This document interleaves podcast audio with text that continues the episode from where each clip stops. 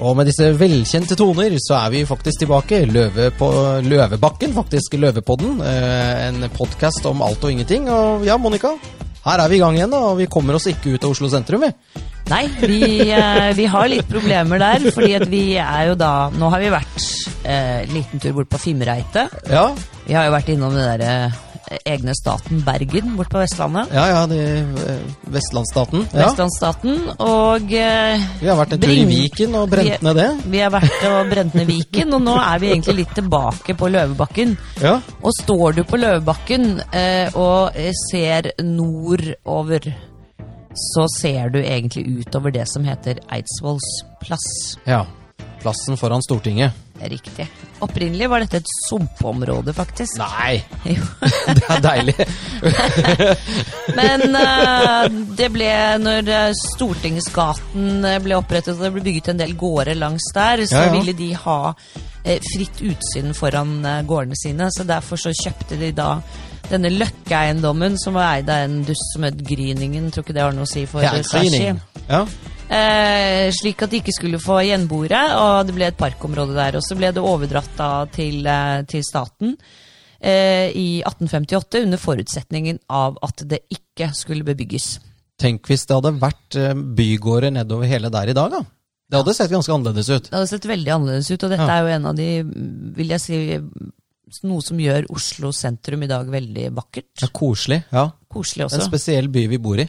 Mhm. Det er det, og eh, det er da faktisk sånn at eh, eh, man tror kanskje at Eidsvolls plass er bare den lille, lille området akkurat foran eh, Løvebakken, hvor eh, demonstrasjoner og sånn foregår. Men Er det ikke den, det er ikke det, skjønner du. Hæ?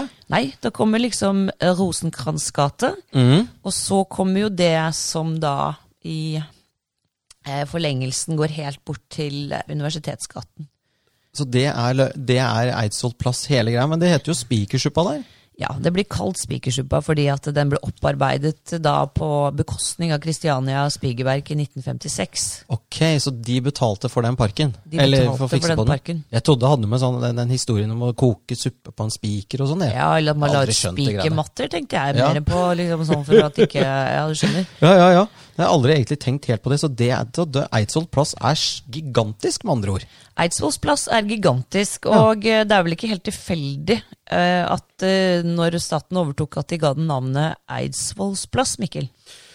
Nei, altså det er jo et veldig fint navn for, eh, for å markere, for å binde sammen eh, Grunnloven og demokratiet og Stortinget og det nye landet som man skulle bygge, da.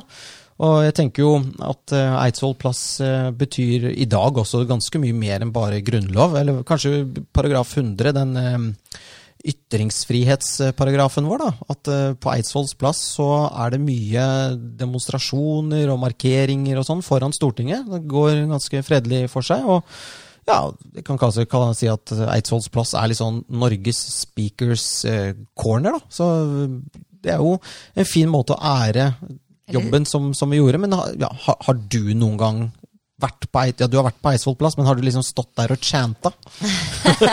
Ja, jeg har vært med på demo der. Jeg er på vegne av selvfølgelig Ja til bilen i Oslo. Nei, er du en av dem? Jeg er en av de. Er du eh, klimafornekter? eh, deplorables. Eller bare glad i bilen din? Som er veldig glad i bilen min, for det verste. Og så syns jeg at det må faktisk være lov til å kjøre bil i Oslo sentrum. Ja. Og eh, der, eh, ja, Så det er også en, en ganske fredelig demo. og Vi kan jo i, i lys av at det heter Speakersup, og kanskje kalle det for Speakers Corner. Speakers corner. Ja, ja, det blir Ja, en gang, ja.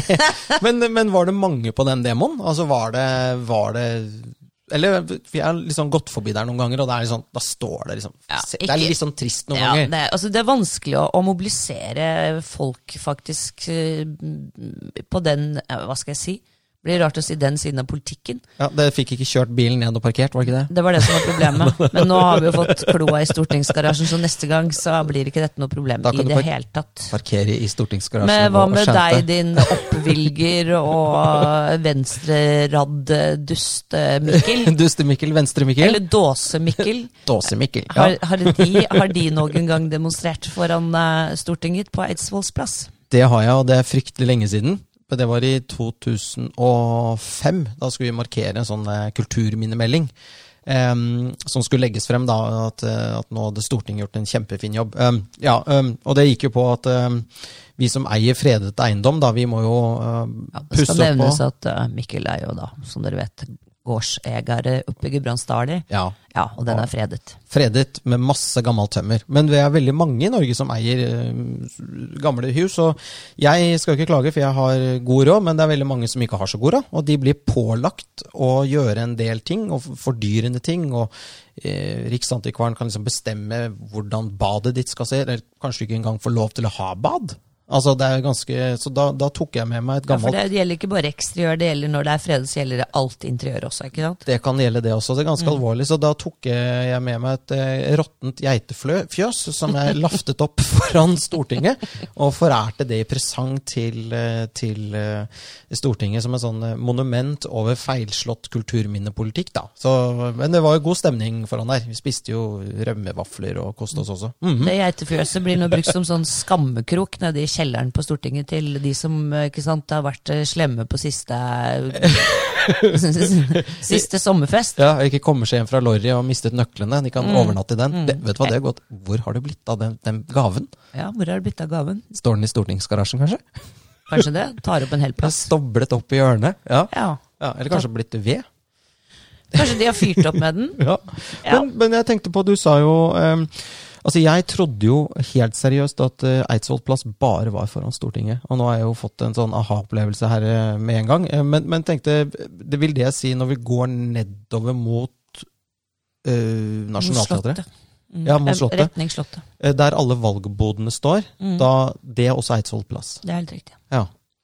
Så det føyer seg jo pent inn i på en måte navnet, og, og kanskje liksom den, eh, som du kaller den røde linjen tilbake til Grunnloven, og, og til eh, at vi faktisk fikk parlamentarisme og partier i Norge, som Mm. da ikke sant, er egentlig ikke så, ikke så gammel historie, det heller. Nei, nei et ungt, langt. Hva var det Ja, altså du går jo opp, Har du gått mye opp og ned i messe... Jeg elsker jo å gå der og krangle ja, da, når det er valg, da. Det er Ja. jo det morsomste som fins. Akkurat sånne ting syns jeg er skikkelig bortkastet tid, for å si det sånn. Så det, jeg blir ikke med på det neste gang. Altså, du går ikke på demokratiets messehall og velger parti? Nei, men jeg har vært på valgvake walkabout. Ok.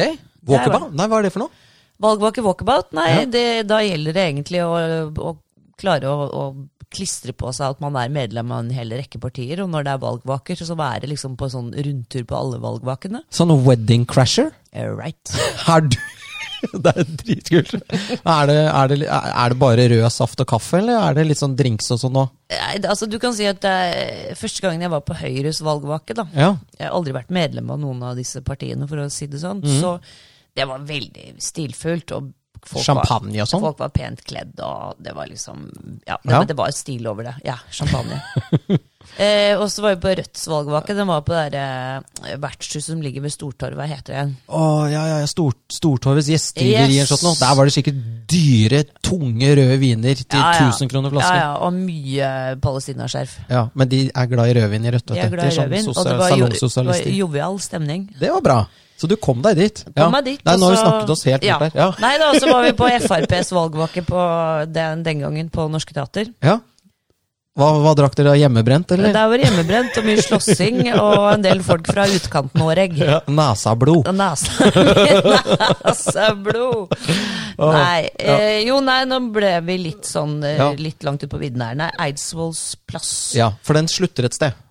Den slutter ved Universitetsgaten, og helt der oppe i enden står det en statue av en faktisk en mann som mer eller mindre var født og oppvokst på Eidsvoll. Han flyttet dit når han var ni år gammel, og det var Henrik Wergeland. Henrik Wergeland. Han har vi alle hørt om. Alle har nok hørt om Wergeland, og hvis ikke, så bør de faktisk eh, søke om å få gå barneskolen og ungdomsskolen om igjen. Ja, men så Jeg føler liksom at vi har glemt han nå, jeg. Vi glemmer han litt, og det tror jeg er fordi at i det offentlige ordskiftet i dag, så er liksom det å være nasjonalist det er jo veldig sånn befengt. Ja, det er negativt. Det er veldig negativt. Være glad i landet sitt. Være glad i landet sitt er veldig negativt. Være patriot mm. er enda mer negativt. Ja, For det finnes ikke noe Norge. Det finnes faktisk ikke noe Norge. Ikke noe norsk kultur. Nei. Ikke, ingenting. Ingenting. Nei. Vi er blodfattige her i Norge. Vi er blodfattige, og vi er uten, uten noen felles referanserammer Ja. i det hele tatt. Så derfor, ja, så det eneste som er verdt å gjøre, er å åpne seg opp og importere den deilige kulturen fra alle andre. Ja. For vi har ikke noen selv. Nei. Men Ja. alle andre har kultur som skal respekteres. Det er Bortsett fra veldig, Norge. Veldig viktig. Bortsett fra oss. Og dette er litt alvorlig, for egentlig, ja, Wergeland, som du sier, han, hvem, hvem var han? Wergeland var jo en dikter, og han, eh, han, eh, altså han hadde utrolig mange talenter. Og fikk også gjort utrolig mye i løpet av sitt liv. Og eh, han var nasjonsbygger. Ja. Eh, og- og- Nasjonsbygger, det er kult Ja. å ha på visittkortet Det sitt. er ganske kult. Det er Henrik Wergeland, nasjonsbygger. Monica Staff, nasjonsbygger. Jau. Ja. Eh, nei, han var nasjonsbygger og patriot, Mm. og når du er nasjonsbygger, eh, så er du faktisk også eh, frihetselskende. Mhm. For det hører jo med at vi hadde da vært i union med Danmark og med Sverige, ja, vi og vi ønsket å være én nasjon. Ja. Og det hadde med frihet å gjøre. ja. Så Wergeland var bl.a. en av de sterkeste fortalerne for å fjerne jødeforbudet i Grunnloven, altså jødeparagrafen, som, som sa at det var uh, ulovlig for jøder med innreise til riket og opphold i riket. Ja, og det er ganske sånn uh, sjukt å tenke på, for det tror jeg veldig mange i Norge ikke egentlig har fått med seg, at det faktisk var forbud mot eh, jøder å oppholde seg i kongeriket fra 1814. Altså det er ganske grovt å ha det i grunnloven sin, altså. Ganske voldsomt. Og Ja. dette sto frem til 1851, Ja, da, så lenge. ja, hvor Wergeland var en av de som var, eh, sto i fremste linje for å få bort denne paragrafen. Og ha, så han var patriot, glad i Norge, nasjonalist, eh, i den positive forstand, og, og eh, eh, Ikke, ikke framandfiendtlig, slik Ikke- som nasjonalister er nå i dag. Ja, ikke sant? Han, var, han elsket eh, alle, og han til og med jobbet for å fjerne en ganske grov, eh, jeg vil si, overtredelse. jeg. Ja. Altså å nekte et folkeslag tilgang til landet fordi at de tror på noe. Ja. Ja, Det er ganske drøyt. drøyt. Ja, Men det er men- klart at det, det, det er jo en anakronisme i dag, men ja egentlig ikke, Monica. Jeg syns at uh, antisemittismen er litt sånn tilbake igjen, jeg. ja, den vokser jo i Europa. Ja, og, og i Norge. Mm. Det virker litt som om, om selv om eh, Wergeland gjorde en jobb da, eh, og fikk det fjernet, så lever det litt videre. Det lever litt videre, og det som er eh, hva skal jeg si, et paradoks, er jo når du ser på eh, Norges eh, eh, ja, myndigheter, regjering, Mhm. etter annen verdenskrig, hvordan de eh, konsekvent har stått på Palestinas side, f.eks., i konflikt konflikten med Israel. Ja. Man skulle jo tro at etter holocaust og alt dette her, at det var eh, ganske mye sympati og varme eh, for, for jødenes eh, hjemland, eller Ja, de, de, er et, de har ett sted de kan reise til, Mm. og være i fred. da. Mm. Um, og, ja, nei, det, og det, jeg tenker også at den, den debatten Nå kommer vi til sikkert til å få et helvete med norsk venstreside, men det har vi jo uansett. Men, Mm. men jeg tenker den, dette med den, den si, konflikten med Israel, det, er en sånn veldig unyansert Det er veldig svart-hvitt. Veldig svart-hvitt, og jeg, Ja. tror, eh, jeg tror de fleste Altså, jeg selv husker jo det var jo palestinaskjerf. Jeg gikk på Molde gymnas og gikk folk med palestinaskjerf, og det var sånn stå på krava. Og, Mm. og eh, den gangen så hadde jeg ikke noe begrep om egentlig dybden av konflikten og hva den gikk ut på. Mm. Ja, det er jo egentlig en, en hva skal jeg si, en, en religionskonflikt, det også. Ja, med steile fronter. Med steile fronter, og jeg tror de fleste som, eh, som har hørt om Palestina eh, i Norge, tror at Palestina er et land, en egen stat, som har blitt frastjålet Vestbredden. Mm. Men det er det jo ikke. Det er bare et, et mandatområde som britiske koloniherrer opprettet da de hadde det som sin lekegrind. Ja. For å få tak i olje. Men, men eh, hva tror du Wergeland hadde Hvordan tror du han hadde kommentert eh, dagens eh, klima og dette, den trusselen som er antisemittismen? At eh, synagogen i Oslo må ha vakthold, synagogen i Danmark må ha vakthold, altså, og jøder i Skandinavia på en måte må ja, tone ned seg selv da, for å ikke få problemer. Hva tror du Wergeland hadde tenkt om det? Jeg tror Wergeland ville stått støtt på deres side nå, som han gjorde da. Ja, Helt sikkert. fantastisk. Eh, Bergeland, altså Bergeland, hadde jo en søster som het Camilla Collett. Stemmer det. Og eh, de, som sagt, de var oppvokst på Eidsvoll, og vi kommer stadig tilbake nå, for dette handler om Eidsvolls plass. til Eidsvoll, hvor de arrangerte det første barnetoget. Så, så set- på 17. mai. barnetoget på 17. mai, det er ikke Det ble arrangert på Eidsvoll, selvfølgelig. Første gang i 1840 I 1840. av Camilla og, eh, og Henrik. Henrik. Mhm. Og det er også den eh, kjente sangen 'Vi er en nasjon, vi er med', 'Vi små nalen lange, er det jo eh, Wergeland som har skrevet teksten til. Ja, eller For Norges kjempers fødeland, da, Ja. som jeg liker å si. Ja. ja, men det er en Men en nydelig sang. det, det er på en måte to av samme stykke, det også. Det er det. Eh, den het egentlig Småguttenes nasjonalsang, så det tyder Oi. på at eh, småjentene kanskje ikke fikk være med. Nei, De måtte være hjemme og bake kake. Ja, rør i grauten. Rør i greiten. Det var sånn det var i gamle dager. Ja. Men tenk at Camilla Collett er søsteren til Wergeland. Liksom to det, det er liksom fra samme familie. Det var noen sånne jeg vil si, De fikk frem mye bra den gangen. De gjorde jo det, men jeg, tenker det tyder ikke det litt på hvor, hvor få mennesker det må ha vært i Norge? Ja, Virker jo som alle kjente alle. Alle, ja, Og noen var veldig engasjerte. Ja. Ja. Men, men altså, jeg vet ikke, hva, hva var Norges befolkning i 1814? Altså, Aner ikke. Den, aner ikke. eh, aner det ikke. må Den vi faktisk, finne ut av. Google it. Google it, because then kanskje det vil si oss litt om hvorfor. Fordi, altså, Du kan se på Wergeland, du kan se på Bjørnson og noen av disse andre gutta som det er statuer av, for det er bare gutter, selvfølgelig. Mhm. På Eidsvolls plass eh, så, så hadde de jo ganske nær kontakt med hverandre. Mhm. Om du var dikter eller stortingsmann eller hva du var, så var det liksom, det virket som om de, de satt og drakk pjolters en god del sammen, tror Ja, jeg. og jobbet for samme sak. Mm. Ja, men eh, denne statuen, når ble den satt opp, og hvem laget den, da? Du, det er en Og hva heter skjedde? eh, Brynjulf Bergslin. Ok? Så Bergslins gate i Homansbyen er oppkalt etter han. Ja. Eh, han lagde statuen. Eh, den ble avduket av Bjørn Stjerne Bjørnson 17. mai 1881. Selveste Og det var kolossal tilstrømning av folk, og Bjørnson innfridde forventningene med å holde en av sine aller mest berømte taler. Ja. Og den talen er jo, som sagt, Milelang. milelang, og slik kun Bjørnson. Jeg tror ingen andre kunne talt så lenge og vel uten å blitt avbrutt, men altså Bjørnsons, alle Bjørnsons taler var ganske pompøse og inspirert eh, selvfølgelig av de sanseinntrykkene han hadde fra Aulestad, denne gården han hadde oppe i Gaustad, der han, liksom, der han hadde fem flaggstanger. Han snakket om fred og frihet og nasjon og brødre og Norge. Og ja, vi kan si Bjørnstjerne Bjørnson var på lik linje med Wergeland eh, jeg vil si eminent da, til å dikte fram et land og male konturene da, av en nasjon, en ny nasjon, med bred fargepalett, farvepalett, altså brukte mange farger, og brede pensler, selvfølgelig. Han, han Rødt, hvitt og overdrev. blått, kanskje? Rødt, hvitt og blått. Selvfølgelig var det rødt, hvitt og blått, og mye rødt, hvitt og blått. Eh, og han, med det de gjorde eh, den gangen, eh, nasjonsbyggerne, det var at de skapte en forståelse av hva Norge er. Altså en mental bunnplanke, kan du si, da, som vi alle kan stå trygt på. Og som gjør at vi kjenner et fellesskap sammen, da, som gjør at vi kan samhandle i demokrati. Helt riktig. Og da kom vi tilbake til dette med den nære kontakten det var mellom de som bygget landet.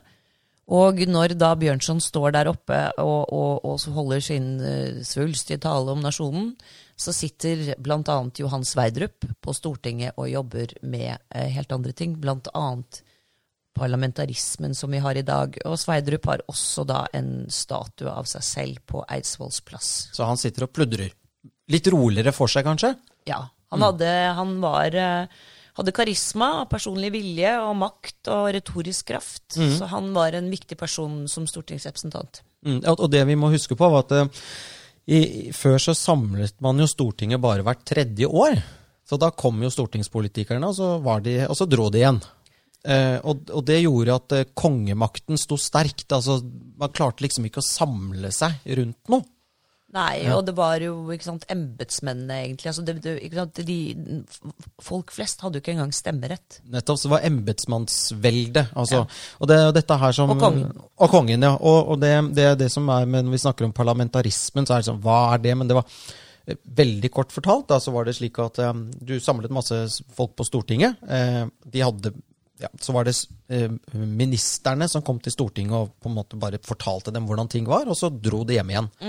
Og dette fant de seg ikke i, da. Så i, i 1882 så eh, var det et valg, og det sto liksom mellom eh, om man støttet Sverdrup eller om man støttet eh, regjeringen, da. Em, og det gikk rett og slett på å, at om regjeringen skulle høre på Stortinget. For det var mange ganger at Stortinget hadde vedtatt ting, og så nektet kongen og, og regjeringen å gjøre noe. Altså brukte vetorett. Selv om på en måte ja, flertallet hadde bestemt noe, Ja, så kunne de overkjøre. så sa de bare nei. Vetorett. For det hadde jo kongen i Grunnloven. Så det nei, nei, nei, nei. Da blir man jo forbanna, da. De sur til slutt da. Ja, og, Men det Sverdrup eh, fikk til, at de laget et sånn opprør da, så 83 av 114 representanter var på Sverdrups side, men det var fortsatt ikke noe politiske parti. Nei. Så hvis du hadde blitt valgt inn på Stortinget, så hadde du på en måte representert eh, Vestre Aker, eller, Eller kanskje Møre og Romsdal. ja, Møre, ja, eller kanskje enda mindre. Altså, Ja. eh, altså det var liksom, liksom Fogd, fogd, fogd Ja, sånn bitte, bitte lite. Litt sånn som i England. Constituency. Constituency, Så, yes. Men dette fører da til at uh, man får nok stemmer til for at de vil fjerne regjeringen. Og den eneste måten å gjøre det på, det er å ha riksrettssak. Og det snakker vi mye om i disse tider. Ja, det har jo vært eh, Har ikke det vært snakk om det i flere årene borte i USA? At de presidenten skal stilles for riksrett for det ene og det tredje og det femte? Jo, de, de bestemte seg vel for å sette han under impeachment eller riksrettssak før han ble president. Så dette er ganske alvorlige saker å stille noen for riksrett, da. Helt riktig. Eh, Men Sverdrup fikk da flertallet og, og felte regjeringen eh, Selmer. Og dette var i 1883. Og i 1884 så møtes de alle på Kafé Engebrett, og så starter de Venstre. Rett og slett. Og da er det et nytt, Alle partiers mor. alle partiers mor. Som nå har blitt den råtne settepoteten på Stortinget. Ja, det, Hvordan er det det fungerer med settepoteter? eh? Nei, fordi, fordi altså, du er jo bonde, ikke Ja, sant? ja. og jeg er jo fra landet. Så, og jeg har vært med på å ta poteter i, å ta opp poteter i ganske mange høstferier. faktisk. Det var egentlig det høstferien var til i gamle dager. Mm. Det var for å ta opp poteter hjemme på gården. Det var ikke bare for å ha fri, altså. Det var ikke bare for å ha fri. Potetfire? Jepp. Ja. Og så jeg har vært med på å ta opp poteter, så jeg har sett hvordan det går med settepoteten. Det er jo moderpoteten som du setter da i jorden, og så blir det mange, mange, mange små søte babypoteter Ut av dette. ut av dette, mens settepoteten ligger der som en råtten, eh, dvask liten sak. Den har på en måte gitt næring til alle de små potetene. Riktig. Litt sånn som Venstre i dag, egentlig. Helt riktig. alle partiers mor, som nå ligger på Jeg vet ikke hva jeg skal si, jeg syns nesten synd på det, men, men eh, det var, altså, han ble jo statsminister, han eh, Sverdrup, og han var ja, Hans legacy er nok ikke som statsminister, men han innførte parlamentarismen. Um, det resulterte at du trengte ikke å stille en regjering for riksrett for å felle den. Du trengte bare å miste Stortingets flertall. Og, og Sverdrup var jo den som også sa at all makt skal ligge i denne sal. Og man skal regjere sammen med Stortinget. Altså regjeringen må styre landet sammen med Stortinget. Ja. Og, og det, så ja, ære være, han for det. Men alt var jo ikke bra. For at det var ikke sånn at men- alle kunne være med på å delta i demokratiet, Monica. Fordi at de ikke hadde stemmerett. Og eh, Sverdrup var jo også en forkjemper for allmenn stemmerett. Tenk på det, Hør på det. Allmenn. Det er ganske utrolig, Mhm. faktisk. For menn, altså alle menn da i riket over en viss alder, jeg vet ikke om det var 18 år den gangen, 25, kanskje. 25, Mm. eh, eh, av menn i Norge fikk man allmenn stemmerett i 1898. Men hvem, hvem var det som stemte før det, da? Da var det bare embetsmenn, jordeiere, Mm. altså de som var husmenn og leilendinger, og de, de kunne bare drite i det. De fikk ikke stemmerett. De fikk ikke lov til å bestemme dritt. Så Norge har ikke alltid vært et eh, demokrati sånn sett, da det har utviklet seg. Det har utviklet seg til det demokratiet Det er litt vondt for å si det. Det vi At vi er et demokrati i dag, ja. eh, kan jo diskuteres. Mhm. Men eh, menn eh, fikk i hvert fall stemmerett i 1898, og vi kvinner fikk stemmeretten i 1913, bare 15 år etter. ja, og det, vet du hva, for å si det sånn, nå tenker jeg sånn, 15 år var altfor lenge, og- og- og- og». Fy faen! ja, men det er liksom to og en halv stortingsperiode bare, og, og ganske raskt, vil jeg si. Ganske raskt, egentlig overraskende. Ja, norske menn er glad i sine kvinner. Norske menn har alltid tatt hensyn til sine kvinner. ser det Faktisk. som. Ja, og ja, eh, det første gangen kvinner fikk stemme, var jo da ved stortingsvalget i 1915. Tenk på det. Ja, så det ble vedtatt i 13 også. Ja, Fikk utøve sin stemmerett i, i 1915. Ja, og det er jo, jeg, jeg bare tenker på bare det, litt tilbake til den diskusjonen om, om, om, om feminisme og alt er så gærent. Jeg, jeg syns egentlig Norge er et foregangsland jeg, på mange, mange måter, også den gang.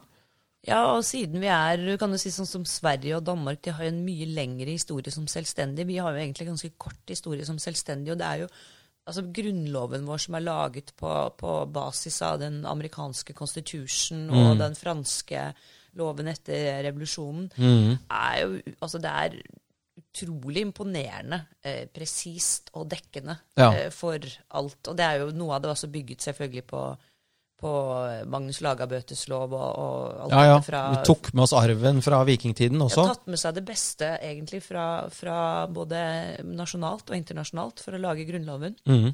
Og i tillegg eh, dette med parlamentarismen, eh, at, vi, at det ble grunnlagt partier, Mm. eh, at det ble allmenn stemmerett, kvinner fikk stemmerett. Eh, vi har veldig god grunn til å være veldig stolt. Av det vi har fått til, ja. Det Det, er, det kommer ikke av seg sjøl. Det gjør faktisk ikke det. Jeg tror kombinasjonen av en bunnplanke der vi Jeg, jeg liker å si at demokrati er en reise sammen i uenighet. Og hvis du skal reise sammen i uenighet, så er det veldig greit å kjenne hverandre og ha en felles forståelse av hva vi er sammen.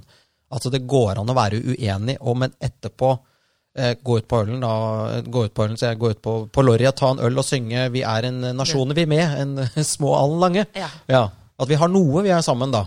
Mhm. ja, at vi har felles referanserammer på, på mye mer enn det vi ikke har det på, er i hvert fall uten tvil. ja. ja, for det er nok å krangle om. Herregud. Ja, det er jo et tilfang av kranglestoff som er helt vilt. Og da er det viktig å dyrke ting som vi kan ha felles. Ja. Så ja, da, ja det er jo ikke bare Sverdrup som står i denne enorme plassen. Nei, det står en eh, kar til, eller det står faktisk flere, men i hvert fall en som vi skal snakke om, og det er jo litt irriterende at han faktisk er bergenser. Ja, det er mye bergensere som har gjort mye. De gjør seg faen meg gjeldende hele tiden. Ja, det var til og med før de fikk eh, tunnel. Ja. Ja. Men jeg syns faktisk at vi skal sjekke opp hvor, mye, hvor mange som bodde i Bergen eh, på den tiden der. Mange som bodde i Norge. ja. Kanskje det bodde sykt mange flere bergensere enn det bodde nordmenn. Altså, Virker jo sånn. virker litt sånn. Mhm. Nei, dette vi snakker om nå er Christian Michelsen. Mm. Og du kan jo si litt om hva som skjedde i 1905, når vi faktisk ble selvstendige. Og det er også ganske nytt. Ja, altså, vi ser tilbake på For oss som da har levd litt lenger enn en 30 år, Mikkel, så ser du jo at, eh, at 100 år ja, det går fort, holdt jeg på å går fort, og det er ikke så lenge siden 1905, når vi da faktisk ble uavhengig av Sverige. Og eh, fikk vår første regjering så, og vår første statsminister, som var Christian Michelsen fra Mm. Bergen. Ja, altså, det er faktisk ikke lenger til at altså, du, din bestefar Jeg vet ikke når han ble født, jeg. 1912. 1912, ja. Så ok, da blir det Men ok, du har snakket med din Du har i hvert fall snakket med din bestefar, som igjen har snakket med en, sin far som har opplevd dette. Altså, det er ikke, det er ikke lenger tilbake enn at du At det er nesten så du kan høre røsten fra 1905, altså. Helt riktig, og Ja. det er jo derfor også jeg er opptatt av dette med, med uh, kvinner og kvinners stemmerett. At det var først i 1915 at vi fikk lov til å stemme ved et stortingsvalg. Mm. Og hvor nytt det egentlig er. Mm. Og hvor fort det kan reverseres Det også. hvis vi ikke passer på. For demokrati står helt fritt til å avvikle seg selv òg. Absolutt. Så det må vi være årvåkne med. Men og det var faktisk så kort tid tilbake som på starten av 70-tallet at det ble slutt på kjønnssegregert svømme- og gymnastikkundervisning i den norske skolen. Tenk på det. Helt til Og nå er vi tilbake til at nå skal plutselig det være helt greit igjen. Ja, Og nettopp. da, Så da sier jeg det er veldig fort å reversere ting ting, og, og viktige ting for, i dette tilfellet da kvinner, mm. eh, veldig mye raskere enn det tar å bygge det opp. Og kanskje det er eh, Og kanskje man lar det se for at man glemmer å se de lange linjene og de, det historiske, de historiske perspektivet, da. Litt som vi prøver å prate om i denne podkasten her, er liksom å drive med litt sånn eh, Lære seg litt cocktailprat og tenke litt gjennom at ting er ikke akkurat sånn som det er, da. Så det er veldig viktig, akkurat det der. Altså, det ting kan gå tilbake igjen, da. Vel, veldig, veldig kjapt. Ja. Og, og så kan man selvfølgelig ufarliggjøre det med at de er women. altså nå eh, er så, de, de prøver å dekke det til med at det er så mye kroppspress nå. Mm. Det er alltid en en gylden Ja, sånn at det må, må være liksom at de skal få lov til å ha gym hver for seg, og det er jo ikke det det handler om, det vet jo alle. Der er ordtaket 'veien til helvete er brolagt med gode, Gode intensjoner'. intensjoner. Men tilbake til eh, gode intensjoner. Christian Mikkelsen, eh, vår Bergens skipsredder. Han eh, var jo eh, eh, Altså, vi hadde jo to statsministre. Vi hadde én statsminister i Kristiania og én i Stockholm. Oi, jeg trodde det var en i, i Kristiania og en i Bergen, jeg. Ja, det var nesten sånn. Ja. Eh, Men i hvert fall, Mikkelsen ble jo med i politikken og satt i Francis Hagerups regjering. Og så er vi, 1905. Ja, før 1905. Og, og igjen så er det konflikt mellom konge og, og, og storting. Stortinget vedtar ting, eh, kongen vil ikke. Eh, nekter å undertegne. Eller sanksjonere, som det heter. Og denne gangen så var det konsulstriden, eller konsulatstriden. Vi snakket jo litt om flagget med dette her merket oppi hjørnet, sildesalaten. Og nå var det at Norge ville ha rett til å utnevne egne diplomater. Og det tenkte svenskene nei, hva faen skal ni med det? Det skal ni väl inte väl? Nej, det ska vi inte, för vi har ju utrikesdepartement. Ja, det har vi Ja, faktiskt. och det är bara svenskar som är där. Ja, Ja, det kom från Stockholm. mm, eller från Göteborg. Från Göteborg, ja. ja. Så det, så det Få tillbaka Jämtland, Bohuslän og Herjedalen, så jeg bare Nå! Faen! Det er faktisk, det burde vi ha en egen cast. Men eh, konsulentsaken, eller kons, si, konsulstriden, endte da opp med at eh, kongen nekter eh, Norge å ha egne, egen representasjon i utlandet, altså egne diplomater. Eh, regjeringen går av. Eh, ingen ingen eh, vil bli ny statsminister. Så dette var egentlig litt sånn konstitusjonelt, konstitusjonelt triks. Triks, ja. Og veldig smart laget. Nesten sånn eh, advokatmat. Eh, og, I- Nå hadde det vært ja, og, advokatsalærer herfra til helvete på den saken der. det her, og det hadde vært verdt hver krone, fordi det man ble enige om, var at eh, da eh, kongen eh, regjerer sitt land gjennom sitt eh, statsråd, og kongen da ikke har noen statsråd lenger, for det var ingen som ville være det, så, eh, og det står jo i Grunnloven at sånn er det, eh, så blir man på en måte enig med Stortingets president, at presidentskapet utgjør på en måte makten, og så fungerer Stortinget videre uten Altså, eh, kong Oskar ble avsatt. Rett og slett. Ja. Og så, og så importerte vi da eh, eh, disse fra Danmark. Ja, fordi altså, nå var jo egentlig Mikkelsen eh, var jo egentlig eh, republikaner. Yes. Så han ville jo egentlig ikke ha noen ny konge, og de lanserte vel egentlig Fridtjof Nansen som presidentkandidat i De Norge. gjorde det. Den største nordmann. Den aller største nordmann som drev og Ja. sendte nakenbilder av seg selv rundt til elskerinner og slikt. Så Ja. han ville jo passet veldig godt inn sammen med alle de andre presidentene vi uh, kjenner til. Tenk hvis Twitter og Snapchat hadde eksistert da. Det. Ja. Ja, hvor hadde Nansen stått i det bildet? Hvem kunne vi sammenlignet han med i dag? Det er ganske interessant, faktisk. ja, det hadde kanskje ikke gått så bra. Eh, Nei, du ja. vet at, nei, altså det er um, eh, Mikkelsen, han eh, Og det, da er vi tilbake til, til eh, Bjørnson Wergeland. Mm. Eh, for Mikkelsen i denne tilstanden her, da, hvor de var uten på en måte konge og uten regjering, Mm. Eh, så får eh, Mikkelsen et telegram Mm. fra Bjørnson. Mm. Hvor Bjørnson sier 'Nå gjelder det at stå sammen, Mikkelsen'. -hmm. Og hva svarte Mikkelsen tilbake til Bjørnson? Uh, Nå gjelder det at holde kjeft, Bjørnson, tenker jeg. ja, og det Yes. var jo dramatisk, for det, vi snakker om et statskupp, og vi snakker om at hvis det går gærent, så, så vil hodene rulle. Altså, dette er jo alvorlige ting. Veldig alvorlige ting. Og det, men, altså, det ble, endte i hvert fall med at eh, de lot som de spurte han eh, svenske prinsen om han ville være konge i Norge. Ja. Og av diverse årsaker og Kiel-traktater og litt forskjellig, så gikk ikke det. Mm. Eh, og da ble da eh, prins Carl av Danmark spurt. Mm. Og ja. det, det var jo på en måte litt hyggelig for danskene, for de hadde jo måttet avgi Norge i den Kiel-freden. Mhm. Eh, og eh, Maud var jo datter av den eh, engelske kong Edward. Helt riktig. Og da, da ser du realpolitikk i praksis. Her har vi en mann som vil ha republikk, men så skjønner han det at, eh, at hvis Norge erklærer seg republikk, så, så Republikk var veldig upopulært. Vi hadde Frankrike, og det syns de andre landene i Europa som var kongedømmer, det, det Veldig upassende. Veldig upassende. Så hadde Norge erklært seg republikk, så hadde Tyskland eh, Danmark, Alle hadde gått til angrep på oss. For å bare forhindre det, da, mer eller mindre. Altså, Keiser Wilhelm var veldig opptatt av å hjelpe svenskene. Jeg tror engelskmennene hadde bare tenkt at eh, republikk skal vi ikke ha noe av. Eh, og og tsaren i Russland var jo livredd for det, for han, var, han satt jo på en tidsinnstilt bombe som gikk av i 1917. Eh, Ja, det var ikke lenge etterpå. Nettopp. Så vi levde i Så, så, så der kommer realpolitikeren inn. Altså Mikkelsen. Han er republikaner, men han skjønner ok, mm, vi tar konge, vi. For da får vi i hvert fall friheten vår. Helt absolutt veldig godt tenkt av Mikkelsen. Mm. Og det var jo han som tok imot eh, da prins Carl, som ble kong Haakon, Mhm. på rådhuskaien. Mhm. Når det Stolterskip Heimdal seilte inn Oslofjorden Ja. med den nye kongefamilien. ja. Men det gikk jo ganske kort tid før Mikkelsen og kong Haakon kom på kamp, nettopp fordi at eh, Mikkelsen ville ha folkestyre med en pyntekonge, sånn Ja. som vi har i dag. Ja. Eh, mens Håkon, eh, eller prins Carl, kom jo til Norge for å utøve kongemakten på den gammeldagse måten. Helt riktig. Og eh, Mikkelsen kalte jo dette her det republikanske monarki. Altså på en måte at eh, vi skulle styre landet som en republikk, men ha han på toppen, da. Eh, Forresten, kong Haakon han ble jo Han er jo egentlig vår første folkevalgte konge. Eh, For han, måtte, han ville jo ha av kong, eh, vet du hva folkeavstemning. Avstem- folkeavstemning. Eh, om vi, om, for å komme til Norge. Det var veldig lurt, for da, da satt han på en måte veldig godt, da.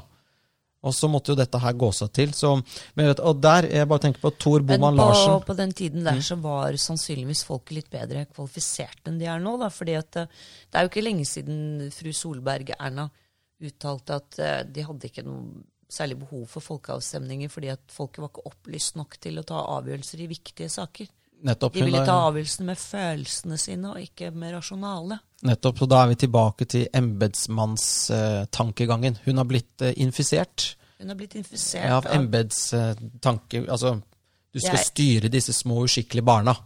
Riktig. Og de Ja. har, da, de har da ikke vett på å ha stemmerett. Mm. Og, Sånn som da vi fikk innført den allmenne stemmeretten. mm. Og før den tid så var ikke disse menneskene i stand til å ta eh, avgjørelser. Mm. Fordi de ikke var opplyste nok. Mm. I, Vi er tilbake der nå. Vi er det, men den gangen eh, Men akkurat i den brytningstiden så var nok Norge veldig på en måte bevisste seg selv. da. Men eh, det er én statue, Monica, som ikke står på eh, Eidsvolls plass. Ja vel? Eh, Sagasøyla. Det stemmer. Sagasøyla, ja. Den Ja. skulle ha stått på Eidsvolls plass. Nettopp. Eh, og hvor står den nå? Ja, Eller står den noe sted i det hele tatt? ja, den står i Gudbrandsdalen, eh, oppe opp ved Bøverdalen. Eh, oppover der. Eh, hva heter det for noe? Um, Det er i Bøverdalen et eller annet sted. ja, um, og der, der eh, Hva skal vi si eh, Eidsvollmonumentet skulle det hete. Altså Ja. Sagasøylen. Det var en, en eh, granittsøyle som skulle vise norsk historie fra Haffersfjord til Eidsvoll. Mhm. Elveseter. Nå husker jeg hvor det står. Ja, Elveseter i Bøverdalen. ja. Eh, Bare mitt første møte med Sagasøyla, og jeg kjørte gjennom Bøverdalen, så så jeg bare en sånn helt vill statue stående helt malplassert in the middle of fucking nowhere. da. Unnskyld, Bøverdalen, men det tåler dere å høre. Jeg bare, Hva er det her for noe? Det var Sagasøyla. Men ja, fortell litt om Sagasøyla. Ja. Nei, William Rasmussen eh, var den som startet å lage Sagasølven. Mm. Eh, han har for så vidt også laget Olav Tryggvason-monumentet på Torvet i Trondheim. Så han var glad i søyler. Han var veldig glad i søyler. Men det Ja. som var problemet med William Rasmussen, da, fordi at denne søylen skulle vel egentlig eh, altså være ferdig sånn ca. 1945. Oi. Men han var jo lenge før 1945 medlem av NS. Aha. Så Wilhelm Rasmussen var nazist. Han var eh, veldig dedikert, for å si det sånn. Han Ja. var veldig dedikert. Han Ja. har annet avbildet sammen med Vidkun Quisling. Altså, Ja, Det er liksom ikke ja. sånn noe tvil om at mannen var nazist. Sikkert en utrolig flink kunstner. ja, men, men, men eh, som med Hamsun. Altså, ihuga, ihuga nazist. Så derfor så ble ikke den sagasøylen eh, reist midt på Eidsvolls plass. Den Mm. ville jo også stengt Wergelands utsyn mot Stortinget. Så han var jo en frihetselskende, fredselskende mann som overhodet ikke hadde en eneste nazistisk idé i kroppen. Ja, nettopp. ja, og det, ja, Du kan si at hvis de hadde reist den da, og bare sagt nei, men vi putter den opp allikevel, for nå har vi kjøpt den, så hadde han liksom hadde liksom den antisemittiske Jeg vet ikke ja, Forkludret utsikten. Jeg tenker at Wergeland nå vokter litt over, over hva som skjer der oppe på Løvebakken. Ja. Ja, og jeg er helt enig i at hvis hadde den hadde stått der Den var sikkert flott, og vi kan jo Alle som vil, Kan dra opp se i den. Bøverdalen og se på den. Mm. Men uh, det ville ikke vært det riktig. Jeg er Nei. helt enig i den beslutningen. Den står bra der den står. Verdt å se på, og bortgjemt i en dal det er litt mørkt, da. Eh, bare, ja, vi er jo snart ferdig med podkasten vår. Eh, jeg skulle si, eh, ja, Wergeland er viktigere enn eh, noen gang. Jeg syns vi, vi hekter oss på han, jeg.